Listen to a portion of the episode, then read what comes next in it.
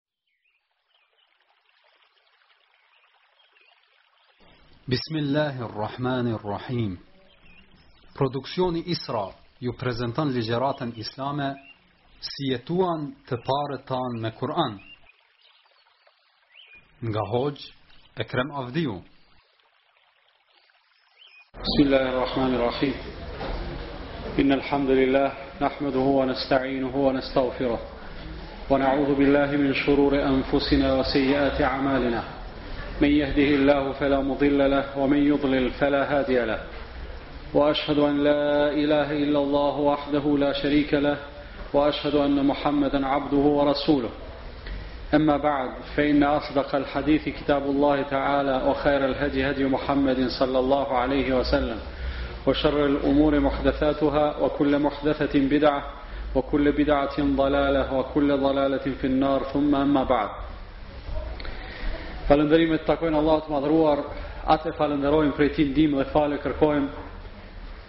Dëshmojmë se nuk ka të adhuruar me të drejtë përveç Allahut dhe dëshmojmë se Muhamedi sallallahu alejhi wasallam është robi dhe i dërguari i Tij.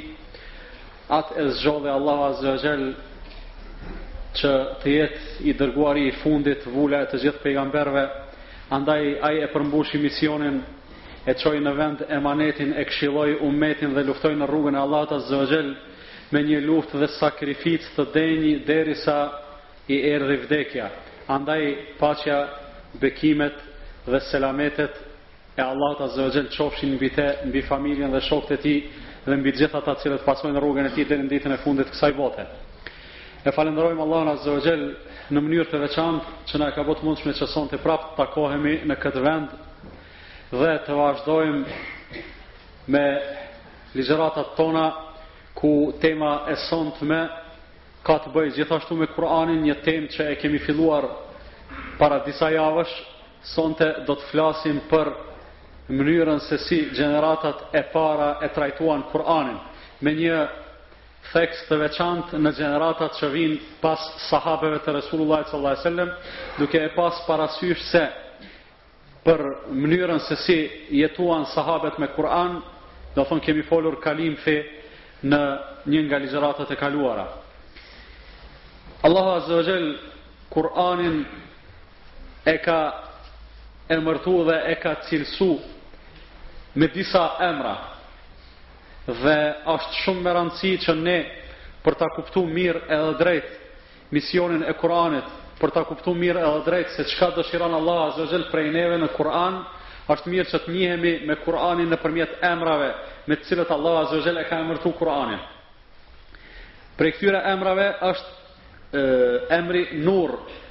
Allahu Azza wa Jell për Kur'anin ka thonë se është Nur, që do me thotë dritë. Për arsye se me Kur'an Allahu Azza wa Jell I ndriçon zemrat dhe mendjet e njerëzve. Me Kur'an njerëzve Allahu Azza wa Jall ua ndriçon jetën dhe ua ndriçon rrugën. Me një fjalë, në shumë vende në Kur'an Allahu Azza wa Jall e ka cekë se këtë libër Allahu Azza wa Jall e ka zbrit dhe e ka shpall me qëllim që njerëzit të udhëzohen në rrugën e drejtë të cilën Allahu e zgjodhi për ta dhe njerëzit të dalin nga errësirat e shumta dhe të llojllojshme të dalin në rrugën e ndriçuar. Allahu azza wa jall thotë: "Qad ja'akum min Allahi nurun wa kitabun mubin." U ka ardhur juve nga Allahu një dritë dhe një libër i qartë.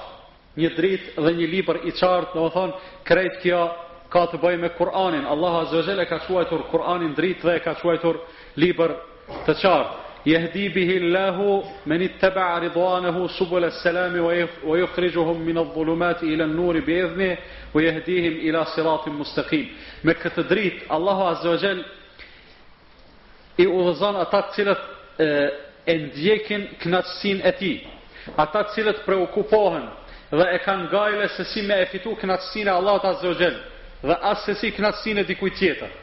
Pra Allahu këtë dritë e paska bo ndriçim të rrugës për ata të cilët e ndjekin dhe e pasojnë një gjë të tillë, e të këtillët Allahu Azze o Xhel i ka cilësu si ata që e pasojnë edhe e ndjekin kënaqësinë e Allahut Azze o Xhel.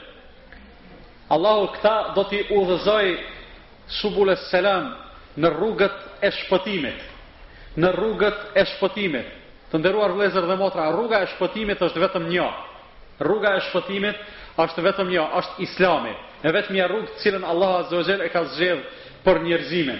Mirpo këtu Allahu subhanahu wa taala e ka përmendur fjalën subul es-selam për t'u dëshmu edhe për t'u tregu njerëzve se nuk është patjetër Që të gjithë të dëshmohen dhe të potencohen në një aktivitet. Nuk janë të gjithë që janë të dëshmuar po e zëmë vetëm në namaz, ose vetëm në agjërim, apo vetëm në sadaka, apo vetëm në bamirësi të ndryshme. Mirëpo Allahu Azze o Xhel të gjitha rrugët e mirësisë ua ka lehtësu njerëzve dhe ato i ka bo të lehta varësisht për çka ka prirje ma tepër njeriu. Këto janë pra rrugët e shpëtimit Pastaj thotë Allahu wa yukhrijuhum min adh-dhulumati ila an-nuri bi idhnih dhe me këtë libër Allahu azza wa jall i nxjerr njerëzit prej errësirave në dritë. Disa herë e kemi përmend se errësirat edhe drita janë dy fjalë që vijnë në kundërshtim apo përballë njëra tjetrës. Drita vjen në njëjës për të tregu se rruga e ndriçume edhe rruga e shpëtimit është vetëm një. Ndërsa errësira vjen në shumës për të tregu se mjafton njeriu që një pëllëmbë të devijojë nga rruga e drejtë e pastaj të mos jetë me rëndësi se a ka deviju majtas apo djathtas, a ka deviju Njëzet e pesë shkallë apo ka deviju nëntëdhjetë shkallë. Dhe absolutisht nuk është me rëndësi, mjafton pak me deviju edhe ajo quhet devijim, për këtë arsye të gjitha rrugët e pandriçume Allahu azze o xhel i ka quajtur errësira në shumës. Wa yahdihim ila siratin mustaqim dhe Allahu azze o xhel t'i udhëzojë ata në rrugën e drejtë. Të gjitha këto që u përmendën në këtë ajet, subulus selam, rrugët e shpëtimit.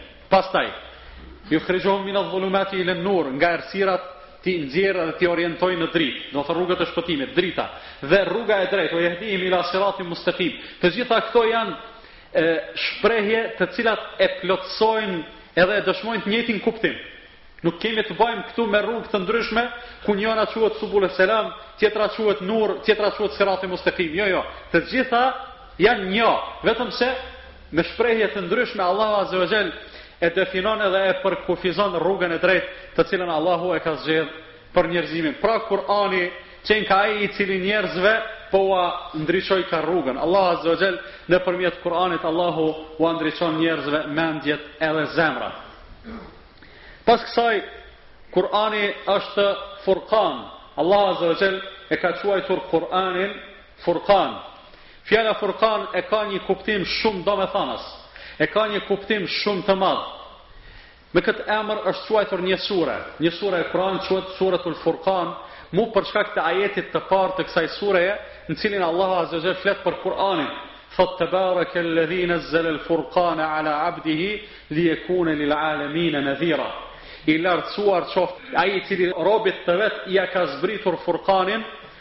në mënyrë që ai për botët, për gjithë njerëzit edhe për gjitha krijesat të jetë udhëzues dhe të jetë që ua tërhek vërejtjen. Pra, Allah Azza wa Jalla ia paska shpall robit të vet Furkanin. A thua çka është Furkani? Asht edhe një ajet tjetër në cilën përdoret kjo shprehje. Edhe ai ajet ani pse nuk ka të bëjë me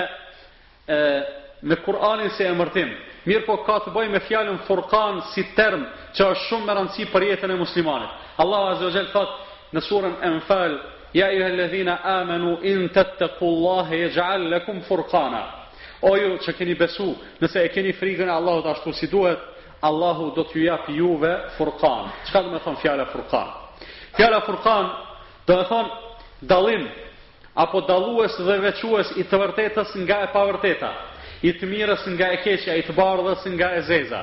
Me një fjalë, Allahu azza wa jall e ka bo Kur'anin, në ajetin e parë të surës Al-Furqan, që Allahu azza wa jall robit të vet ja ka zbrit Furqanin, pra Kur'anin e ka bo dalluesin ma të mirë që njeriu të ketë mundësi ta veçojë të mirën prej të keqes.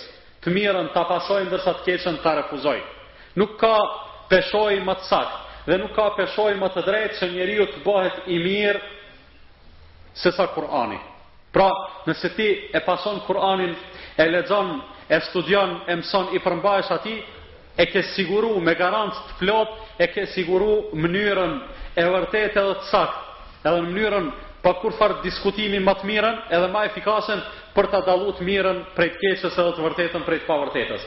Për arsye se, njerëzve shumë shpesh në këtë dunja u përzihen gjanat.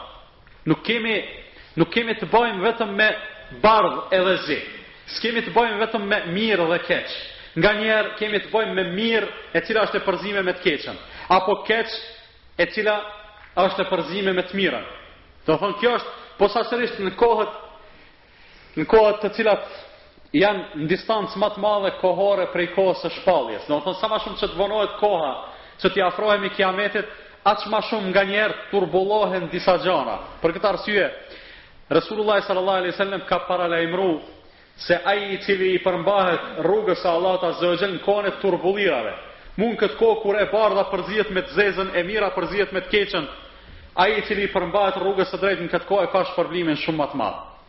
E për me e siguru njeriu një gja të këtillë, do thonë mjafton që t'i përmbahet Kur'anit. Përndryshe, nëse nuk i përmbahet Kur'anit, ai kurrë në jetën e tij nuk do të ketë mundësi që të mirën ta dallojë prej të keqes. Për arsye se një të mirë absolute edhe një të keqe absolute, themi kushtimisht, është shumë lehtë me i dallu. Shumë lehtë është me e dallu se kur është temperatura minus 20 me dal me garderobën e verës, domethënë është keq për arsye se të dëmton.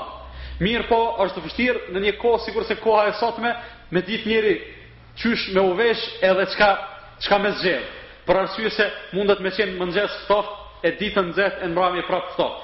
Ose gjëra të ngjashme, domethënë shembuj të këtillë njeri prej vetes së vet edhe jetës së vet ka mundësi me marr, domethënë Pa numër.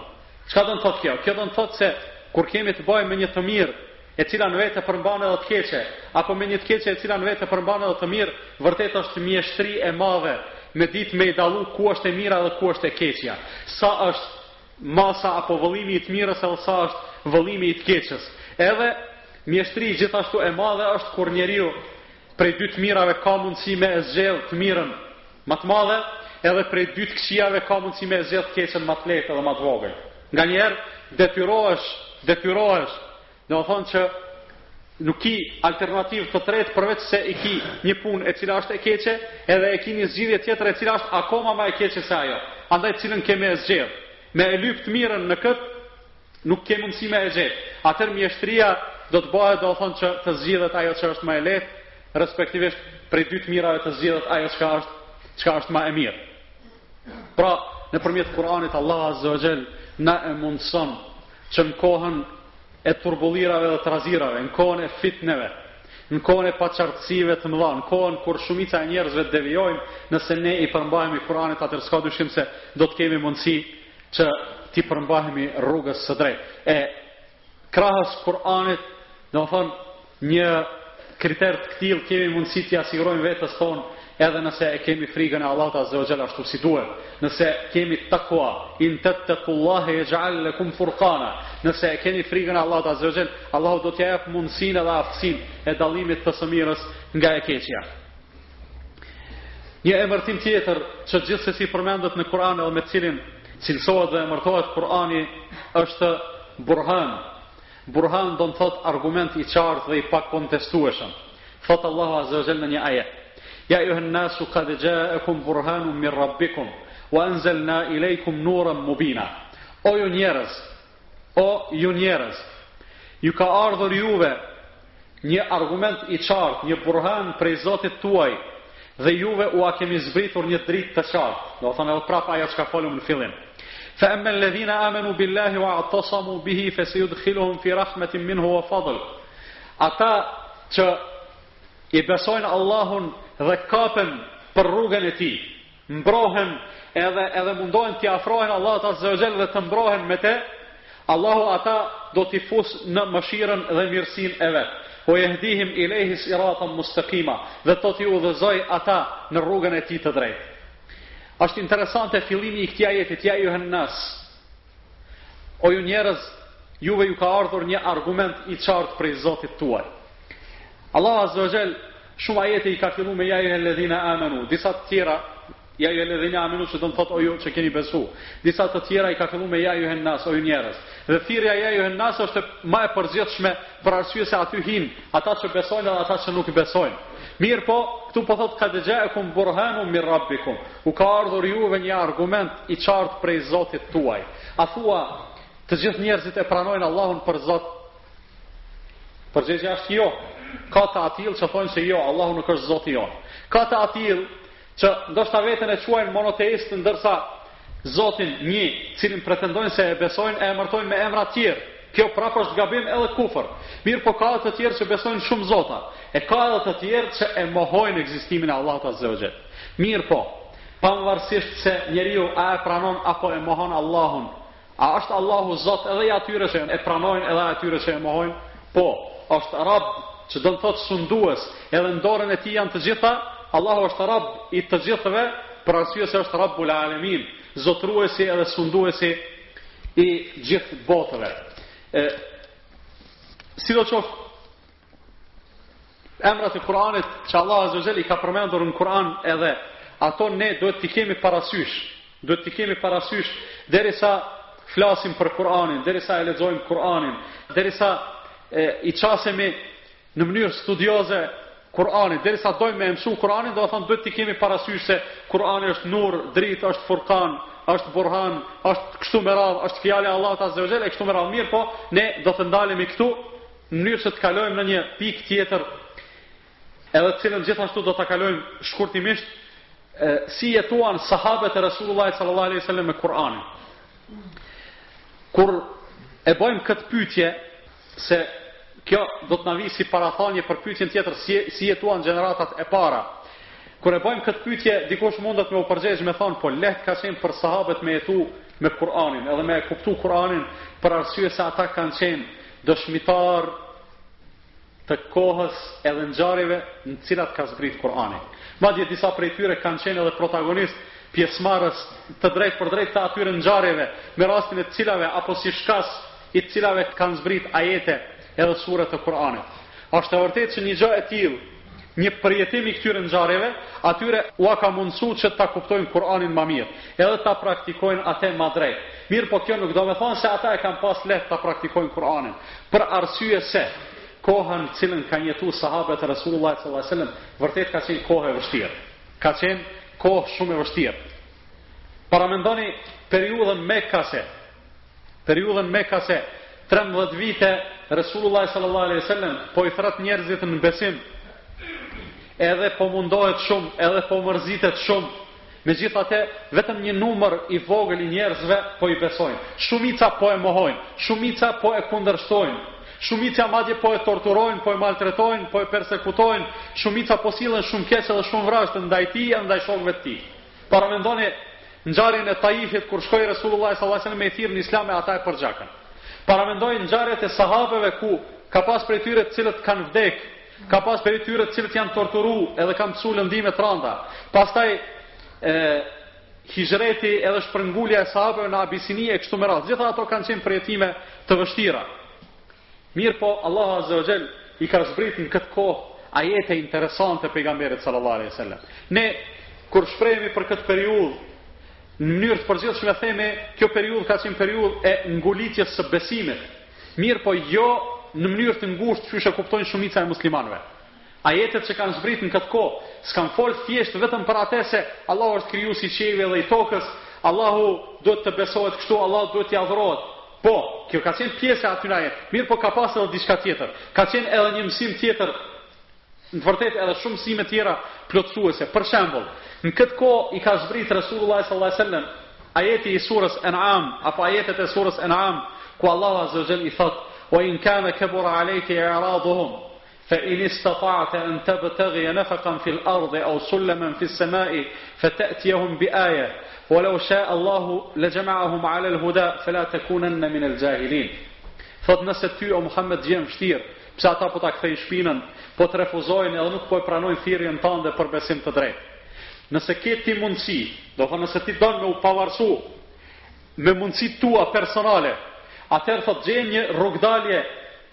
Nga toka, apo gjej një par shkallë për në qiell, edhe sillua atyne një argument ti pej vetës tande, jo argument të Allahut. Mirëpo një gjë e tillë është e pamundshme se Resulullah sallallahu alaihi wasallam në asnjë moment nuk ka hek dorë as që i ka shku mendja me hek dorë prej përkrahjes së Allahut azza wa jall. Pastaj Allahu po ja jep arsyetimin, po thotë walau sha Allahu la jama'ahum 'ala al-huda. Sikur Allahu azza wa jall të kishte dëshirë, të gjithë do t'i tubonte rreth udhëzimit. Sikurse ka thonë edhe në ajete të tjera në Kur'an, ue leu sha Allahu, le amene men fil ardhi, kulluhum exhmein, sikur Allah të donte, të gjithë njerëzit e botës do të bëshin besimtar, të gjithë do të besonin. Mirëpo Allah azze ue xhel e ka një urtësi, pse njerëzit jau ka lon një, një liri t'caktume, që ata të zgjedhin, kush po bëhet besimtar, e ata janë ma pak, edhe kush po ngel jashtë besimit, e ata normalisht që janë ma shumë. Pra, është një urtësi pse Allahu azza wa jall e ka bërë një gjë të tillë dhe me këtë Allahu azza wa jall ia ka tërhequr vërejtjen Muhamedit sallallahu alaihi wasallam që të mos mundohet me e shkatërru veten e vet vetëm që dikush prej njerëzve të besojë. Sikurse Allahu azza wa jall i ka thënë në tjetër ajet, "Ina alejke illa al-balagh." Innema alejke el belaghu wa alejna el hisab. Ka thonë o, o Muhammed, ty të takon veç me ju transmetu njerëzve, ndërsa llogarinë na e bëjmë. Kështu i ka thonë Allahu azza wa jall Muhammedit sallallahu alaihi wasallam. Ti kallzoju njerëzve çka është rruga e drejtë dhe e mirë, ndërsa për me i gjyku ata dhe për me i llogarit ata, kjo është kompetencë e Allahut azza wa jall.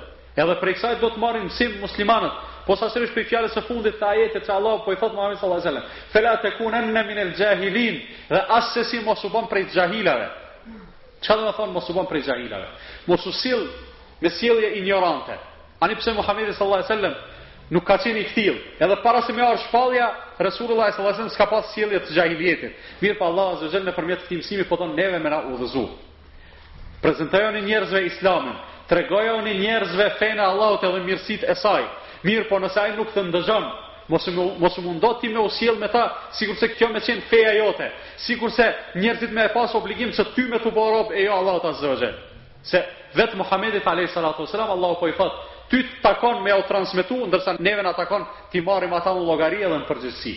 Ku po e merr ti atë guxim që njerëzit me i marrë në përgjegjësi ose me i llogarit ose me thonë vëllai këta njerëz kokan të prishtë, këta njerëz kështu ose Allahu i shkatërroftë ose me i mallku ose kështu me radhë. Nuk është e drejtë. Nuk është e drejtë. Allahu azza xhel nuk na mëson kështu. Allahu na mëson edhe kërkon prej neve që me butësinë edhe mirësinë maksimale të sillemi me njerëz. Për arsye se sjellja është ajo e cila lën gjurmë, edhe ndikon te njerëzit ma shumë se mija e mija fjalë. Sjellja e një njeriut len gjurmë te një mijë njerëz ma shumë se fjalët e një mijë njerëzve te një njeri. Sjellja është ajo e cila njerëzve ua hap zemrat për me e pranu Islamin, normalisht atyre që Allah Azza wa Jall don. Ndërsa me fjalë na kemi mundësi të flasim shumë, mirëpo në momentin e parë Kur veprat tona i përgënjeshtrojnë fjalët tona, e kjo ndodh shumë shpesh, në atë moment të gjitha fjalët tona i shpallim të pavlefshme.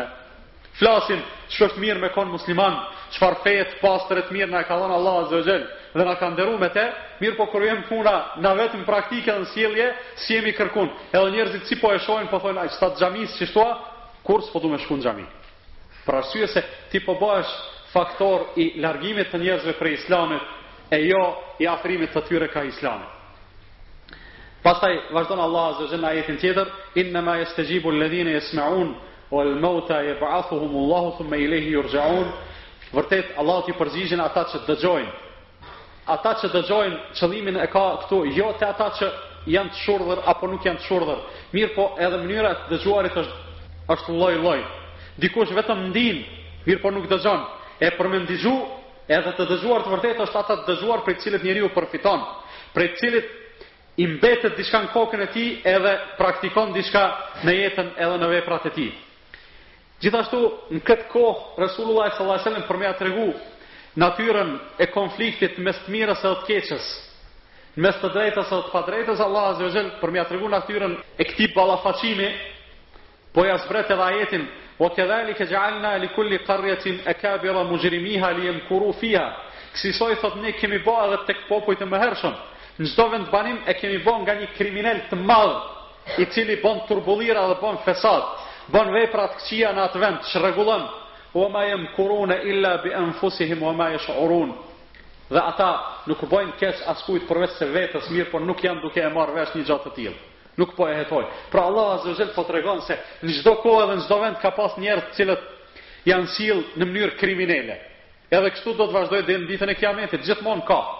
Ata mundohen njerëzimit me i ba keq mirëpo ma s'tepërmi i bëjnë keq vetes së tyre. Dhe përfundimisht, ai i cili bën sabër, ai i cili qëndron në rrugën e Allahut azze o xhel, atij i takon fitorja. E kalojmë edhe këtë periudhë në mënyrë që të shofim se tabiinët si jetuan me Kur'an. Edhe për këtë pikë kam zgjedh t'ju flas vetëm për një njeri, vetëm një shembull do ta marrim. Është një është një figurë shumë interesante. Për arsye se historia e tij është gjithashtu e çuditshme dhe interesante. Fjala është për një prej tabiinëve. Tabiinët E dini mirë se janë ata të cilët i kanë taku sahabet e Resulullahit sallallahu alejhi ve sellem duke qenë besimtarë edhe kanë vdekë në atë gjendje.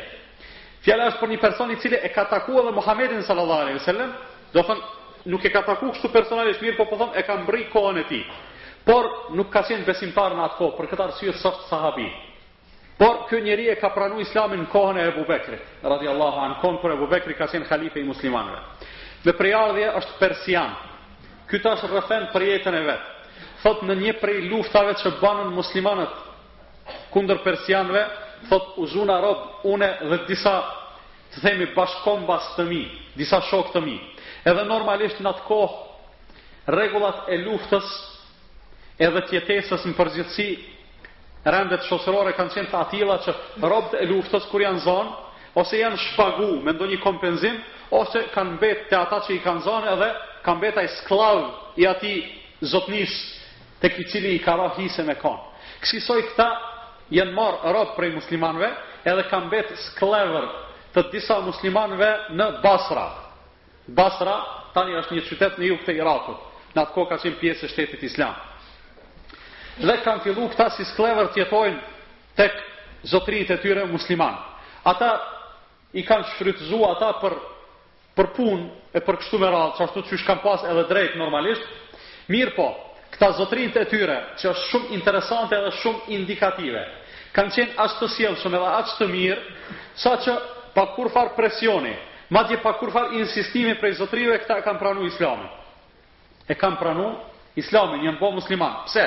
Ky po thotë kështu thotë, unë thotë isha bashkë me ata shokët e mi te disa musliman aty dhe thotë duke i pa ata se sa shumë janë të dhanun mas Kur'anit, vini re në këtë shprehje, sa shumë janë të dhanun mas Kur'anit, sa shumë po e lexojnë, sa shumë po ndikohen prej tij.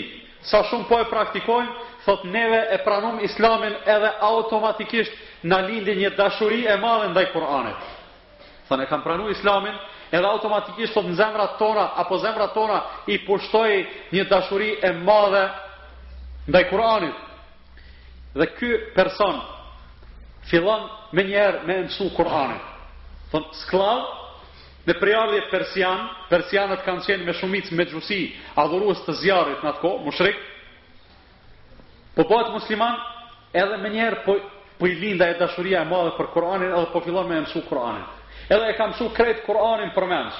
Paramendoni vllazni edhe motra në atë kohë Një qafir, një mushrik, po bëhet musliman, edhe për një kohë të shkurt, po e mëson këtë Kur'anin përmendsh, po bëhet hafëz i Kur'anit. Në atë kohë, ndoshta nuk ka qenë ndonjëfarë fenomeni.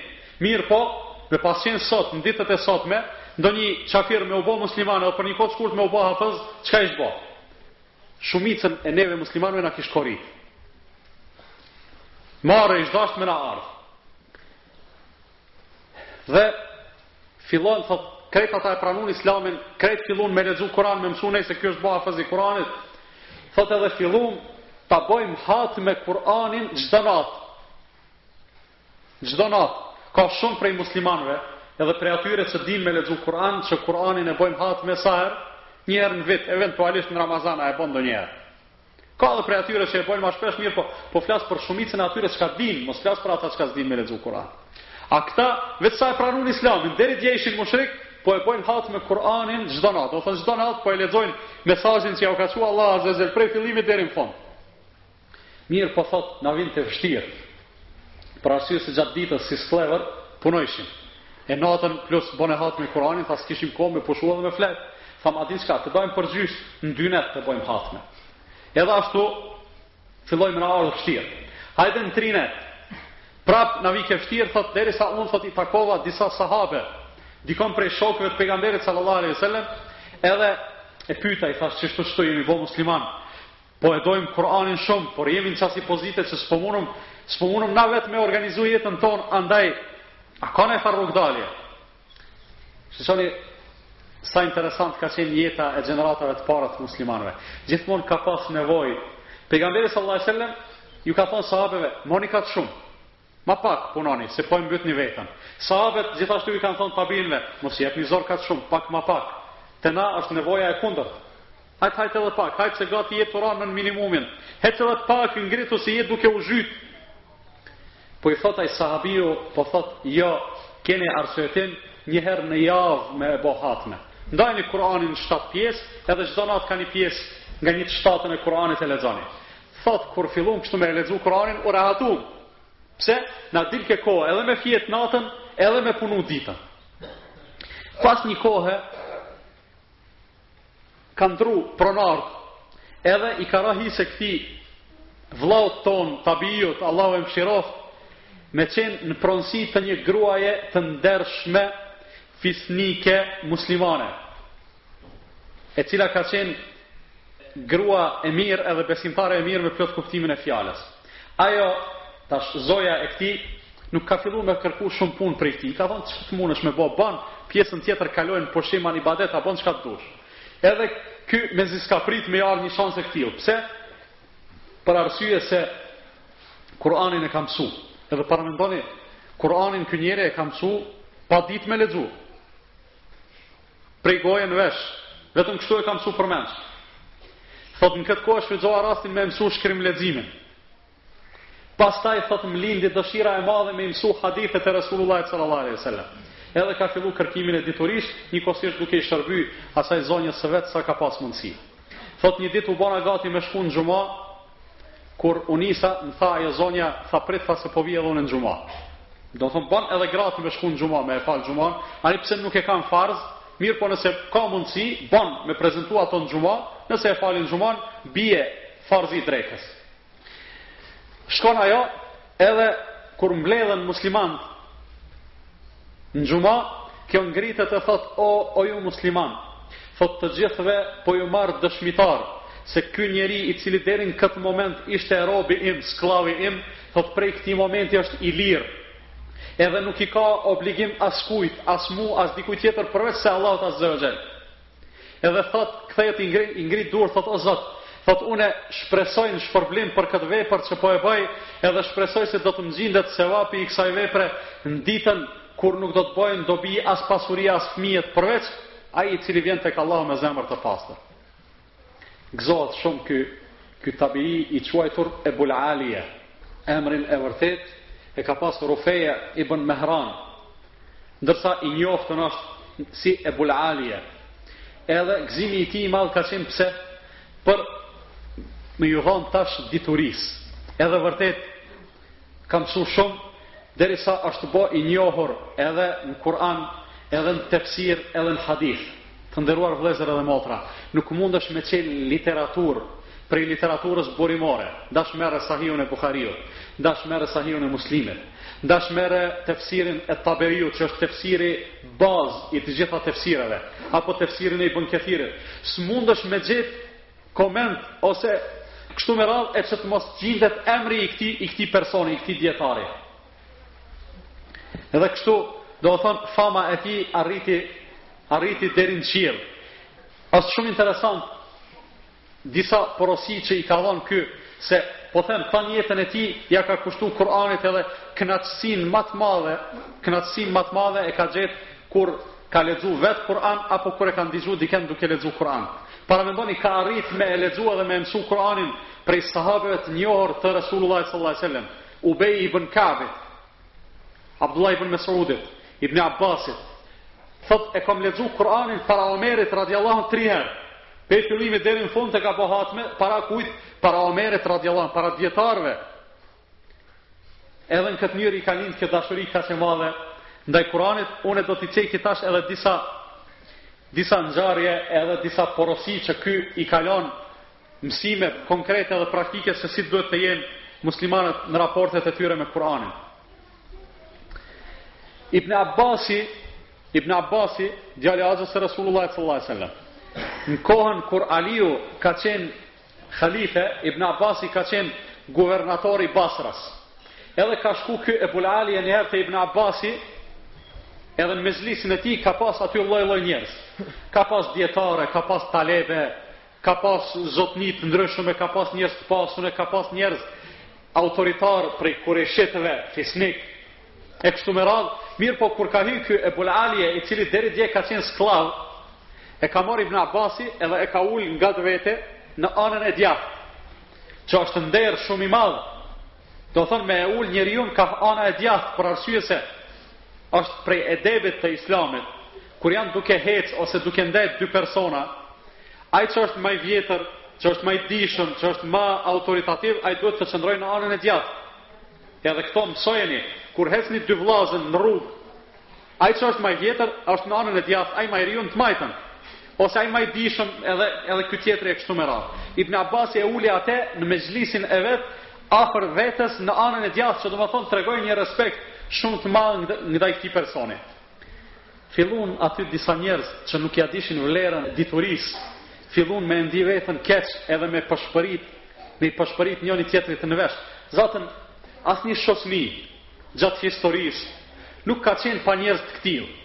Dikush e nin veten pa keqkuptime, dikush e nin veten sheherli, thotë unë jam sheherli, ky katunari Ku m'u vet ngat këtu. Nuk e dinë që nuk është vlera dhe pesha e njeriut të qenit i qytetit apo i fshatit. Absolutisht. Absolutisht nuk është peshoja. Mirëpo, ç çdo kohë, domethënë, ka pas edhe do të ketë njerëz të tillë.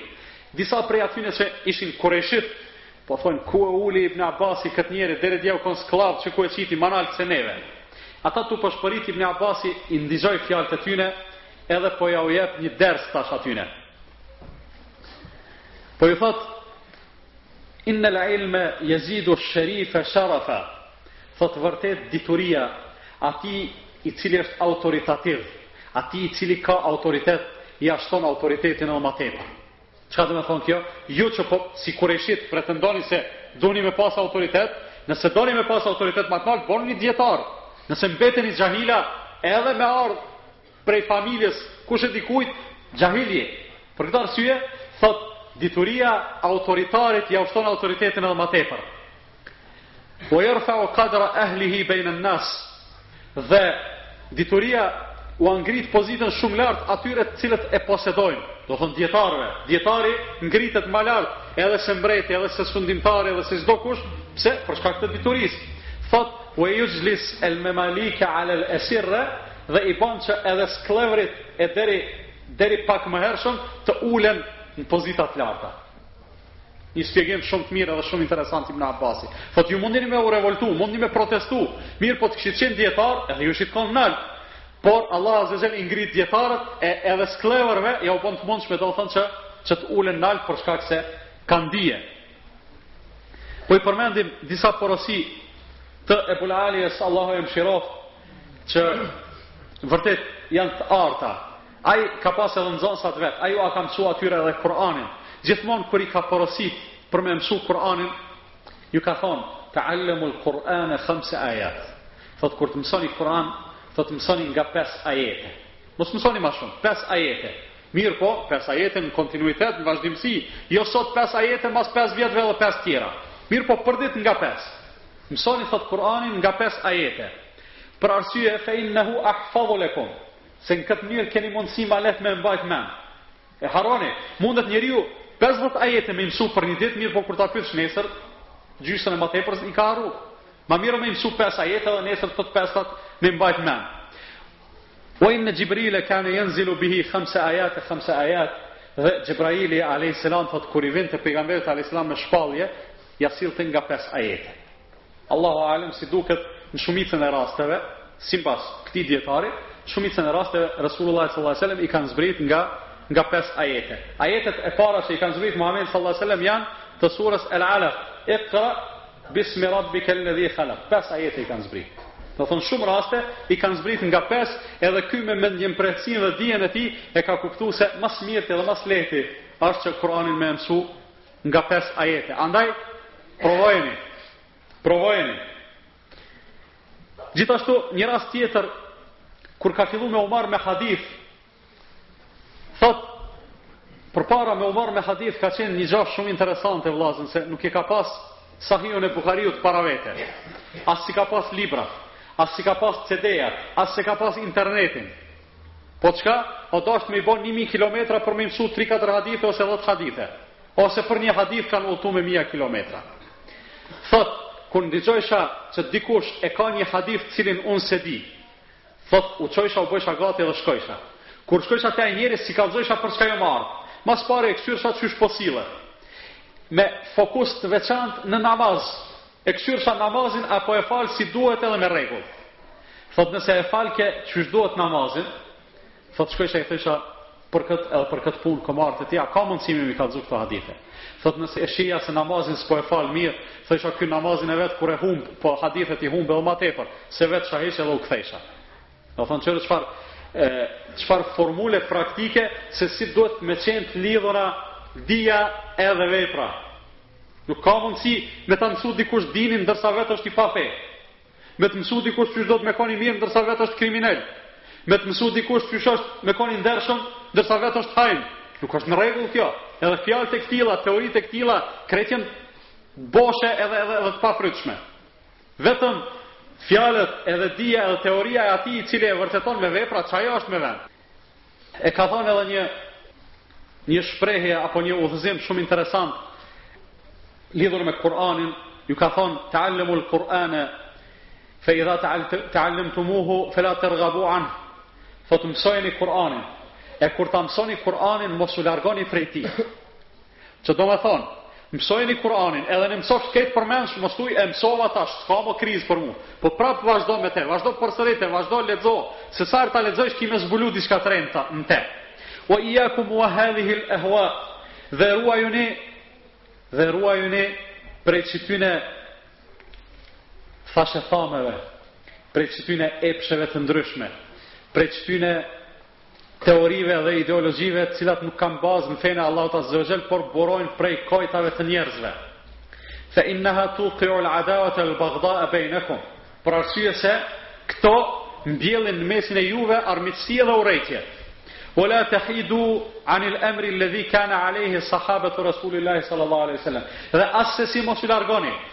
Dhe assesi mos u shmangni nga ajo në çka kanë qenë Sahabet, shokët e Pejgamberit sallallahu alejhi ve sellem.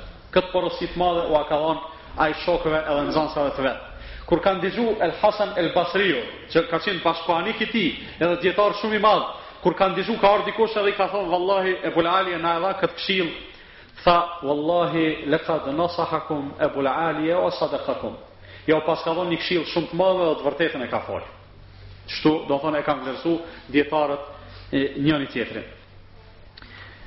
Kështu ka qenë jeta e këtij dijetari të madh, i cili prej asgjaje u bo diçka shumë i madh, u bo i pashmangëshëm në botën e dijes islame, qoftë në botën e Kur'anit, tefsirit, shkencave të Kur'anit, hadithit, shkencave të hadithit, deri në ditët e sotme na bjen hise, domethonë me lexu fjalë të tija, me i përmend edhe me folë, me fol me te në xhamijat tona. Për çfarë arsye? Për arsye se ashtu si ka than Resulullah sallallahu alaihi wasallam në një hadith që e kemi përmend edhe në derset e kalume, inna Allah e jerfeu bi hadhel Kur'ani akuamen, ue jedau bihi akharin, vërtet Allahu azze ue xhel me këtë Kur'an i ngrit disa njerëz dhe me te i ul disa të tjerë. Asht vetëm edhe një ngjarje interesante në jetën e këtij imamit të madh, të nderuar vllezër dhe motra dhe po e përfundoj biografinë e tij Nuk ka qenë vetëm dietar i fjalëve edhe i shkrimeve, ka qenë dietar edhe i veprës, ka qenë dietar edhe i xhihadit edhe i luftës. Edhe një herë është bo gati me shku në një luftë prej luftave që i kanë zhvillu muslimanët kundër jomuslimanëve. Mirëpo, tu u bo gati iu ka paraqit një dhimbje e madhe. Dhe dita ditës ajo dhimbje në kam, po i shtohet edhe ma tepër. E kanë thirrë një mjek me e kontrollu, Edhe kur e ka kontrollu mjeku i ka thonë je i goditun prej një smundje e cila dalngadal është duke ta brejt kamën. Domethonë edhe pak edhe ka me t'u ngjit përpjet një lloj kanceri. Thotë edhe ilaçi i vetëm është me ta këput, me ta amputu kamën. Në atë kohë, paramendoni, ky i vjen shumë vështirë me pranu mirëpo për një arsye pranon. Kur pranon, bëhen gati me e bo operacionin. I thotë mjeku, thotë, a të dhojmë diçka me pi një lloj Një lloj zbutësi të dhimbjeve në mënyrë që të mos i përjetosh dhimbjet. Jo, thotë, unë e kam, thotë, një, e kam një terapi shumë ma të mirë se kjo. Thotë, ha, çka është ajo? Thotë, gjeni një njeri të mirë i cili din mirë me lexu Kur'an. Edhe le të më afrohet këtu te koka. Edhe le të fillon me lexu Kur'an. Le të vazhdon, mos ndalet hiç. Thotë, kur të shihni se m'u ka skuq fytyra edhe më janë fry damarët e qafës, thotë qatëherë kryeni operacionin. Edhe veprojnë ashtu qysh i ka porosit ai. E thirrin një njeri, një musliman të mirë, edhe ai fillon me i lexu Kur'an. Ky duke e ndigju Kur'anin, duke fillu me e përjetu, derisa i skuqet ftyra edhe i fryhen damarët e qafës. Atëherë mjeku e fillon operacionin duke mos ndi ky kurrfarë dhimbje. Sikurse me pas anestezionin ma të fortë të botës. Kur kryhet operacioni, ai e përfundon leximin e Kur'anit edhe ky Domethonë qetësohet, kthjellohet, po i thotë mjeku, thotë, po më duket thotë se nuk ndigjove asnjë dhimbje, nuk nuk reagove hiç. Thotë wallahi kur filloi ai me lexu Kur'an thotë, unë u shkriva në dashurinë time ndaj Kur'anit saqë nuk kisha kurrfarë kontakti me botën tjetër. Pastaj e ka marrë kamën e vet në dorë, që ia kanë pre kamën, ia kanë këput. Edhe po thotë, oj kama ime, nëse Allahu Azza wa Jall më pyet Se çka kam ba me ty, thotë unë do t'i them Allahut se për katërdhjetë vite kurrë njëherë nuk kam shku në haram, as kurrë njëherë nuk kam shkel në haram me ty dhe shpresoj se do të jem i sinqertë edhe i vërtetë në këtë fjalë timen, edhe kështu ka përfundu jeta e tij, Allahu e mëshiroftë. Këta shembuj dhe këto ngjarje që i përmendim nuk janë vetëm për me na i knaq zemrat edhe veshët për një moment e pastaj prap t'i kthehemi të vjetrës. Mirëpo, ajo që e thamë në fillim për Kur'anin, se Kur'ani është dritë, se Kur'ani është dallues edhe qartësues i të vërtetës nga e pavërteta, si të këtillë, si të këtillë duhet ta trajtojmë, si të këtillë duhet ta përjetojmë edhe ta praktikojmë. Të nderuar vëllezër, neve Po flasim shumë për Kur'anin, edhe po mundohemi maksimalisht të shpjegojmë ato çka Allahu Azza wa Jell na ka msu. Edhe prapë te muslimanët has dilema, dyshime, madje edhe bestytni të ndryshme rreth Kur'anit edhe rreth jetës në përgjithësi. Kaq shumë po flitet për fjalën e Allahut Azza wa Jell, edhe vërtet kaq bindëse janë ajetet e Kur'anit, edhe prapë se prapë muslimanët janë aq të ftohtë sa Të mushet mendja nganjëherë ndoshta nuk kanë ndjenja fare. Prej javës së kalume, a jemi përmirësu hiç prej atyre këshillave që i kom dhënë javën e kalume? A ka fillu dikush për 7 ditë me mësu 7 shkronja të Kur'anit? Të mos them 7 ajete. Kush i ka mësu Allahu është shpërbleftë. Mirë po kjo le të jetë urrejtje për ata që s'kan bë kurrë gjë. Shifni, njerëzit prej kufrit, madje kufër ekstrem, Zjarrputista çfarë njeriu çfarë imami i madh është ba në fenë e Allahut azze ue xhel ndërsa muslimanët tonë shumica inshalla në mesin tonë këtu në xhami s'ka asnjë të atillë as poshtë as naltë te motrat mirëpo njerëzit tonë me çka merren sot muslimanët merren me parashikime të fatit me horoskopa me letra tarot me shejtanllëqe të ndryshme Ato, të nderuar vëllezër edhe motra, neve po na servohen. Në shtëpiat tona janë qito gjana. A janë apo nuk janë? Sa ato televizionet nacionale, t'ashtuquajtuna, ata po servojnë qësi helmi në shtëpit tona. Për çfarë arsye? Me i largu njerëzit prej Kur'anit edhe me jau turbullu njerëzve besimin edhe bindjen në Allahun Azza wa Jell. Me i mashtru njerëzit se gjoja edhe dikush tjetër e din të msheftën edhe të ardhmen përveç Allahut Azza wa Jell. Me pas veç nji veç nji pik me t'u mbush menja kësisoj imani yt është diskutabil veç pak me pas dyshim ti se nëpërmjet çatyne letrave ka mundësi me u zbulu e ardhmja ta dish se ti është shumë diskutabile a je musliman a s'je musliman e ata po insistojnë ne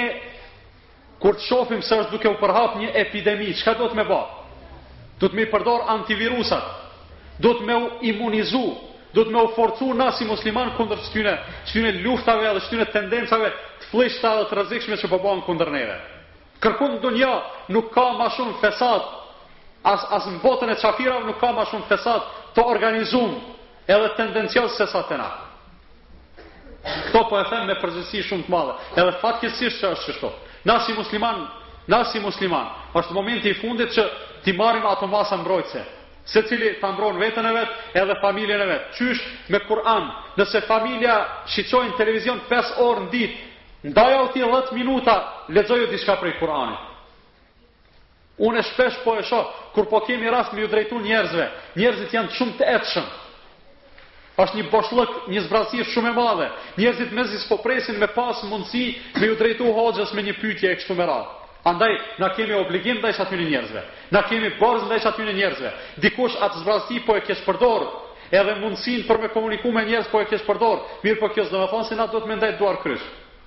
Andaj të nderuar vëllezër dhe motra, është koha e fundit që ne nëpërmjet qasjes tonë ndaj Kur'anit të mundohemi të përmirësojmë raportet tona me Allahun subhanahu wa taala. Për arsye se kjo është metoda e vetme që neve të na përmirësohet gjendja.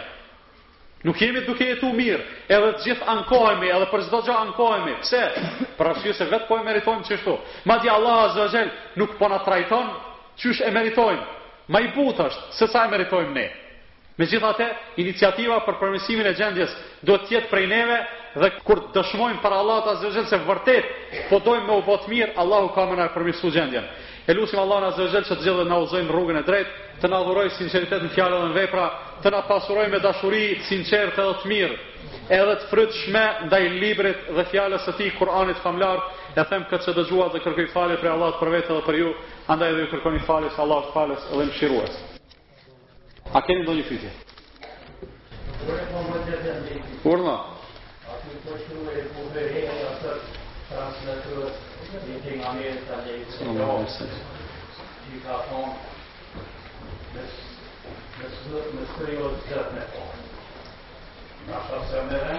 Më thuj o zot më fal.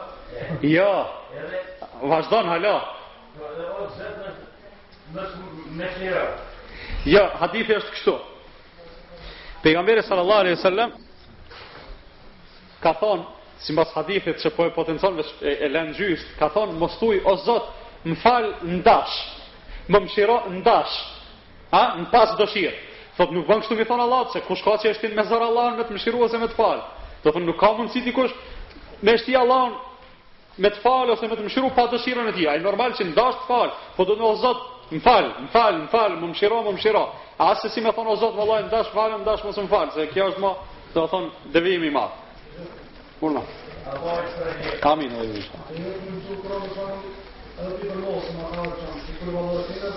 A lejohet vllau po pyet Pyetje interesante, a lejohet me e fillu prej fundit të mushafit me e mësu Kuranin përmendsh, për shembull prej sureve t'fundit e tu shku tani ka përpara. Lejohet. Pej fundit, pej mesit, rend, pa rend, qysh munesh veç me mësu sa ma shumë për një arsye të cilën e kemi cek disa herë, ajo një prej arsyeve është që Thjesht, ishalla Allahu na bën prej xhenetlive po së paku bile në xhenet me u ngrit sa ma nalt me sa ma shumë ajete që dimë me i lexu prej Kuranit.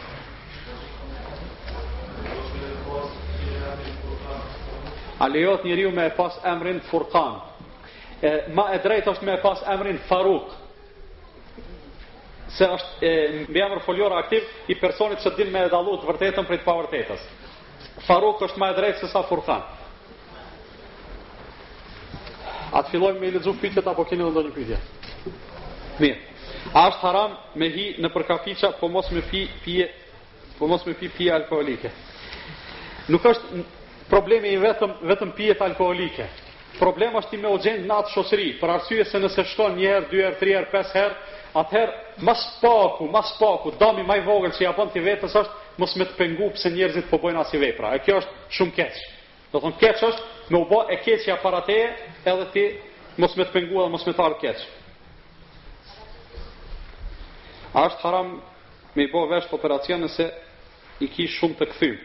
Nëse është fjala për ndonjë deformim, po them shumë jashtë normales, mendoj se lejohet deri në një normale. A nëse është fjala për ndonjë deformim të thjeshtë dhe të vogël, e vetëm për t'u duk pak më bukur, kjo nuk bën. A është e lejume femra me mbulesë me vesh pantolla me një këmishë deri te gjunjë? Jo. Domethënë, ne e kemi shpjegu mbulesën qysh është edhe cilat janë kushtet e mbulesës. Mbulesa për t'qenë mbulesë islame, jo mbulesë simbas qefit tonë, edhe simbas dëshirave tona, edhe simbas modave të ndryshme, të cilat po na i imponojnë ata të cilët s'paku nuk ia kanë qëllu, qe ma s'buti me u shpreh. Mbulesa për t'qenë mbulesë islame, duhet t'i plotësojë këto kushte, ta mbulojë tërë trupin, të mos jetë tejdukshme, të mos jetë e ngushtë, edhe të mos jetë që bie në sy.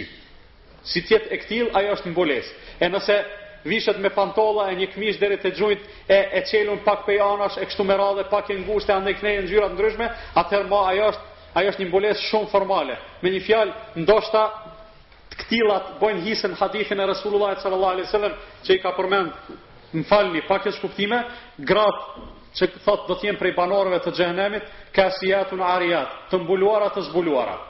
Ti ose orientohu, ose e mbulume, ose zbulume. Nëse e mbulume, mbulohu ashtu si kërkon edhe si don Allahu subhanahu wa taala. Ashtu si ka porosit Muhamedi sallallahu alaihi wasallam. Ashtu si kanë qenë nanat e besimtarëve, gratë e pejgamberit, edhe gratë e sahabeve. Në këtë mënyrë, qajo është mbulesë për Allahun azza wa jall. Nëse dojmë mbulesë për modë dhe për me na kqyr tjetri, ajo është tjetër mesele. Më ka ndodhur kur bisedoj për namazin, kur më kanë thonë se ne jemi shqiptar, Sikur të ishte të falemi shqip, isha falë sepse Zoti më ka falë shqiptar, më jep sqarim prej kësaj. Po, është e vërtetë që na jemi shqiptar edhe kjo nuk ka kurfar mburrje me qenë shqiptar. As është mirë me kon shqiptar, as është keq. Normal është me kon shqiptar. Po mirë edhe keq është nëse je burrë i mirë ose burrë i keq, nëse je musliman ose jo musliman. Në anën tjetër, shqiptar shqiptarët sot që jetojnë edhe flasin Me shqiptarët e para njëqind apo njëqind e pesëdhjetë vjetëve sigurisht s'kishin mujt me u marrë vesh. Pse gjuha po ndryshon shumë. Të mos flasim për ma vonë ose për një distancë më të gjatë.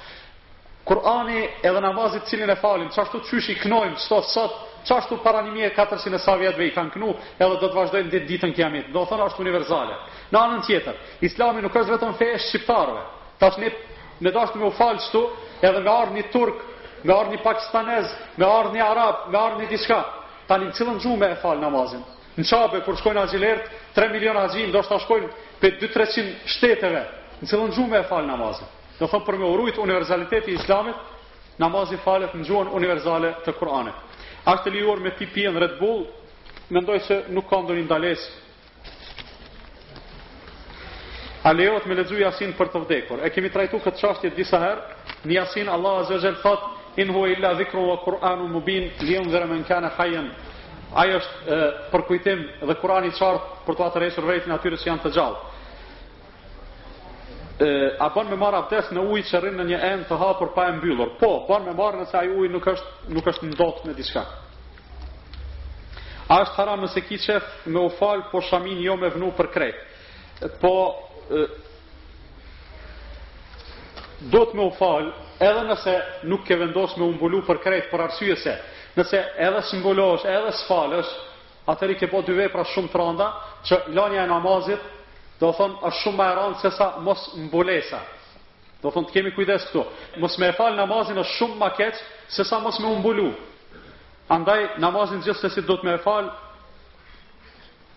për mos me ndodhë ndonjë problem ma i madh. Cilat janë ngjyrat që mundem me i vu në kokë e kam fjalën ngjyrat e shamijave. Me rëndësi është mos me qenë tërheqëse nuk ka ndonjë kufizim të caktum se kjo apo ajo ngjyrë banë apo nuk banë. A bon m'u fal pa çorapa? Femrat duhet të mbathin çorapa kur falen. Në cilin gishta të dorës është e lejuar mbajtja e unazës? Në gishtin e unazës në gishtin e vogël vetëm. Domethon unaza lejohet me u mbajt vetëm në gishtin e unazës edhe në gishtin e vogël. A është e lejuar tek femra shkallëzimi i flokëve si dhe prerja e shkurt? Dijetarët kanë fol për gjatësinë e flokëve Tek femrat edhe tek mashkujt. Edhe e kanë qitë një kufi. Që aty përfundon kufini i mashkujve edhe fillon kufini i femrave. Çka domethonë kjo? Flokët deri te supet, deri në krah, është ma s'gjati çka bon me i bajt mashkujt. Ma gjatë se ato, nuk bon me i bajt për arsye se kalon në përngjasim Me femrat, andaj, po i shoh kanjherë do vllazni, po i mbajnë pak ma të gjata, kush i ka ma të gjata, le të shkon te berberi edhe le t'i shkurton. Edhe e kundërta, domethënë femrat maksimalisht munden me i shkurtu deri te supet. A është e preferueshme që drekën mos me e fal me kohë e me lanë ma vonë? Jo, nuk është e preferueshme përveç në kohë të nxehtësisë së madhe, të vapës së madhe, përndryshe duhet me e fal në kohë. Thotë, a bën të këndosh hatmin në gjuhën shqipe, domethënë ta lexosh Kuranin madhërishëm shqip, pasi arabisht nuk din, Zoti të shpërbleftë në përgjigje, edhe juve Allahu ju shpërbleftë, mendoj se apet ma mirë është me e lexu përkthimin se sa mos me lexu hiç, mirëpo duhet me na duhet me na mundu edhe me na brengos pse s'po dimë origjinal me lexu. A është e preferueshme ngjyra e kuqe për muslimanet? Nuk ka ndonjë pengesë për ngjyrën e kuqe. Dy persona që falen n'një shtëpi kurse e treta po shkrin plumb, a është haram? Për ata që falen është sevap, për ato që shkrin plumb padyshim se është haram edhe ato shumë i randë bile. Shkolla na dërgon në ekskursion në Shqipëri në muajin Ramazan, a mund që të mos agjërojmë në Shqipëri e pastaj të kompenzojmë kur kthehemi? Mos po helmoheni sikurse ata fëmijët e Suarekës e masandej po bëhet problem. Sot e lexova në gazetë, njëri prej atyre djemve që ma s'randi ishte helmu, Po thotë rrjedhi prej familjeve fetare thotë kurrë s'përdori as alkool ai zavendësdrejtori e kish akuzu thotë ky është drogirat atje se përndryshe na kurgjo s'i kemi ba thash. Gjatë faljes së namazit a duhet me pas ni renditje të sureve apo jo për shembull s'pari surja ihlas apo keuther mirë është nëse i përmbash renditjes mirëpo nuk është patjetër. Do thon s'prish pun edhe me i lexu e paren se ka ardh në hadith se Resulullahi sallallahu alaihi wasallam është lidh namaz e ka lexu Fatihën, e ka lexu surën El Bekare, pastaj e ka lexu surën Nisa e pastaj e ka lexu surën Ale Imran. Do thon e ka kthy renditjen nuk prish pun. A e kemi të caktuar se me cilin njeri e kalojmë jetën si dhe moshën kur do të martohemi? Edhe pse është e caktuar ajo për neve është e panjohur, për këtë arsye duhet me hap sytë shumë se me kënd kena me kalu jetën. Si mund ta llogarisim një të tretën e natës pasi e dimë se Allahu në atë kohë zbret në qiellin e dunjas. E llogarit kohën prej akshamit, prej perëndimit diellit deri në sabah. E llogarit sa orë janë, nëse janë 9 orë, 6 orët e para jo, 3 orët e fundit. Do thonë bëhet llogaritje e thjeshtë. A është gjynah nëse dikujt i thu se isha në xhami e dikush thotë se ti si je për xhami, çuditet.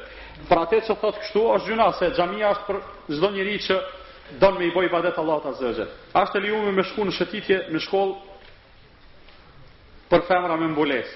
Nuk i takon femrave me mbulesë me shku në kësi lloj shëtitje dhe ekskursione duke e pas parasysh se sa të zeza e sa të këqija bohen në ato shëtitje dhe në ato organizime. Pse shumica e njerëzve falen por kur të vjen vera shkojnë lahen nëpër vende të ndryshme. Sqarojeni këtë ju lutem. Mendoj se ma kompetent për me e sqaru një gja të këtillë janë ata të cilët e bojnë një veprim të këtillë. Është e vërtetë se nganjëherë njerëzit bojnë kështu mirëpo ajo nuk është në rregull. Hoxhë, ne shumë po dëgjojmë, shumë po lexojmë, shumë po flasim për din, Por pak po punojmë, ku është problemi? Problemi është se krejt ato çka po e flasim, po e dëgjojmë edhe po e lexojmë, nuk jemi duke e përjetu me shpirt. Sikur ta kishim përjetu me shpirt, me sinqeritet të madh, atëherë ajo do të na do të na shtinte në praktikë. Në këto fitne që gjindemi, po bohen sebep që nuk po mundemi me lexu Kur'an. Çka na këshillon? A të mos dalim, a të dalim e të ecim me kokë ulur, duke mos e ngrit fare kokën, a çka të veprojmë? Ë me u rujt maksimalisht prej gjynaheve, me bo istighfar sa ma shumë, me u mundu sa ma shumë me bo vepra të mira, edhe në këtë mënyrë njeriu, e, do thonë, inshallah, ruhet prej, prej fitneve. A asht e lejume me e vesh uniformën shkollore, mbasi aty duhet me i vesh pantallonat, meqenëse s'ka mundësi tjetër. Kur s'ka njeri mundësi tjetër, atëherë Allahu azze ve xhel i din mundësit. Me rëndësi është qaq sa t'ke mundësi, qaq qaq duhet domethënë të, të punohet. Kur e falim namazin e istiharës dhe lutemi për diçka, si kthehen përgjigjet e lutjeve, domethënë në çfarë mënyre. Namazi i istiharës duhet të përjetohet, mos prit se ka me të ardhur ty vahji prej prej qiellit se qeto bëne ose qeto mos e bën. Mirëpo bën istihare, pastaj orientohesh për diçka çka ta merr mendja se është më e mirë për ty, edhe kështu kryhet muhabeti. A lejohet vënia e shamisë së zezë në rrugë? Po, lejohet. Jo që lejohet, po preferohet. A është e lejuar